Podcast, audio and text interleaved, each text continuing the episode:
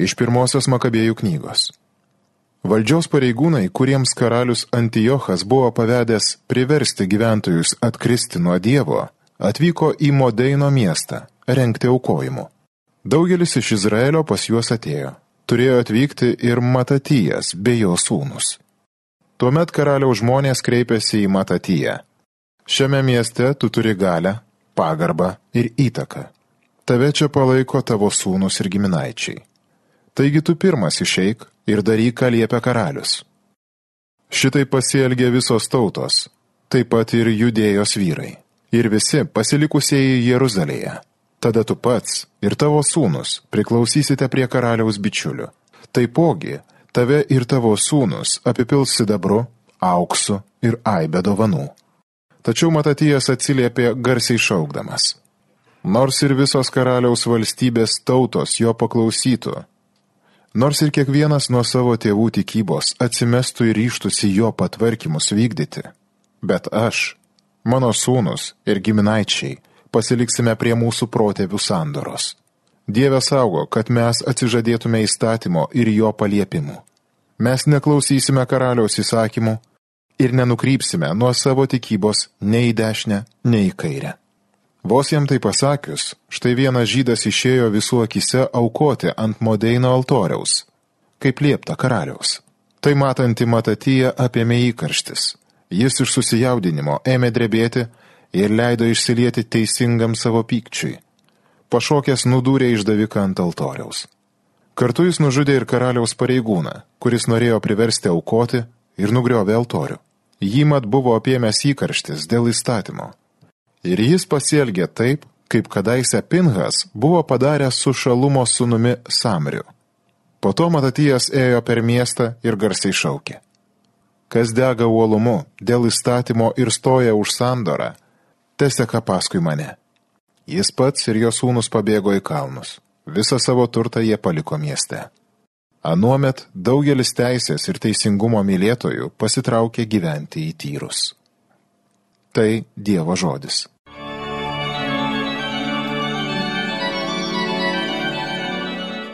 Kas tiesiai žygiuoja, tam parodysiu Dievo išganimą. Aukščiausiasis Dievas viešpats byloja, nuo rytų lygi vakarų šaukdamas žemę. Spindi nuo Sijono kalno Dievo gražybė. Kas tiesiai žygiuoja, tam parodysiu Dievo išganimą. Surinkite syčion visus mano šventuosius kurie su manim sandorą darė, aukodami auką. Štai jau skelbė dangus jo teisingumą. Pats Dievas pradeda teismą. Kas tiesiai žygiuoja, tam parodysiu Dievo išganimą. Padėkos auką Dievui aukoki, aukščiausiajam padarytus įžadus vykdyk. Tada mane šauktis galėsi nelaimiai. Tave aš vaduosiu, o tu man garbę darysi. Kas tiesiai žygiuoja, tam parodysiu Dievo išganimą. O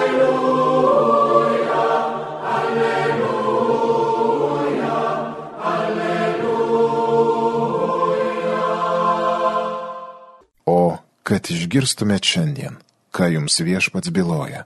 Alleluja, alleluja, alleluja. Iš Ventosios Evangelijos pagal Luką. Anu metu, prisertinęs prie Jeruzalės ir išvykęs miestą, Jėzus verkė jo ir sakė, o kad tu šiandien suprastum, kas tau neša ramybę, dėja, tai paslėpta nuo tavo akių, tu sulauksi dienų, kai tavo priešai apjuos tave pylimo, apguls iš visų pusių ir suspaus tave. Jie parblokš ant žemės tave ir tavo vaikus su tavim ir nepaliks tavyje akmens ant akmens, nes tu nepažinai savo apsilankimo meto. Tai viešpaties žodis.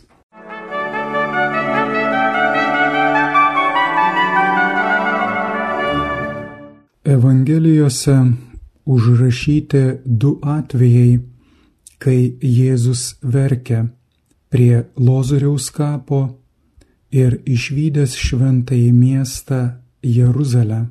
Žinoma, verkė ir tada, kai gimdamas iš mergelės Marijos Betlėjaus tvartelėje pirmą kartą įkvėpė oro, nes Jėzus viskuo tapo į mus panašus, išskyrus nuodėmę.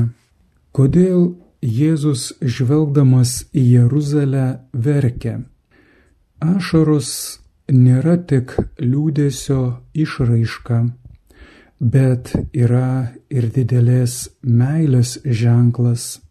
Jis atėjo į Jeruzalę kaip mesijas ir karalius, siūlydamas jos žmonėms laisvę ir ramybę, kurių ne vienas žemiškasis valdovas negali suteikti, atleisti jiems nuodėmes ir sutaikyti su Dievu. Deja, šis miestas nebuvo pasirengęs jo priimti, užuot prieėmę su džiaugsmu ir dėkingumu, Jeruzalės žmonės Jėzų sutiko šaltai ir be tikėjimo. Jėzus tarsi iš naujo išgyveno šio miesto šešių šimtų metų senumo įvykį Jeremijo laikus, kai Jeruzalę sugriovė bei nusiaubė Babilonijos kariuomenė. Jeremijas tada, kaip ir Jėzus, verkia, kad viešpats dėl tautos netikėjimo apleido Jeruzalę ir leido priešui ją sunaikinti. Liūdna Jėzaus pranašystė apie Jeruzalės sunaikinimą išsipildė 70-aisiais metais romėnų kariuomeniai sugriovus miestą ir sulyginus su žeme šventyklą. Liko tik Saliamono šventyklos likučiai šiandien vadiname raudų sieną. Tačiau net apverkdamas miesto lemtę, Jėzus neprarado vilties. O kad tu šiandien suprastum, kas tau atneša ramybę. Jėzus neša ramybę. Jėzaus teikiama ramybė yra kur kas daugiau nei konfliktų ar karo nebuvimas. Tai išsivadavimas iš baimės, noro teisti kitus, neapykantos, keršto bei nuodėmės pančių. Tikra ramybė įmanoma tik tada, jei leisime Jėzui vadovauti mūsų širdims, protams, mūsų šeimoms. Kai atrodys, kad nerimas bei rūpeščiai jau nepakeliami, grėžkime į Jėzų ir Jis padės mums. Tikėkim ir pasitikėkim juo.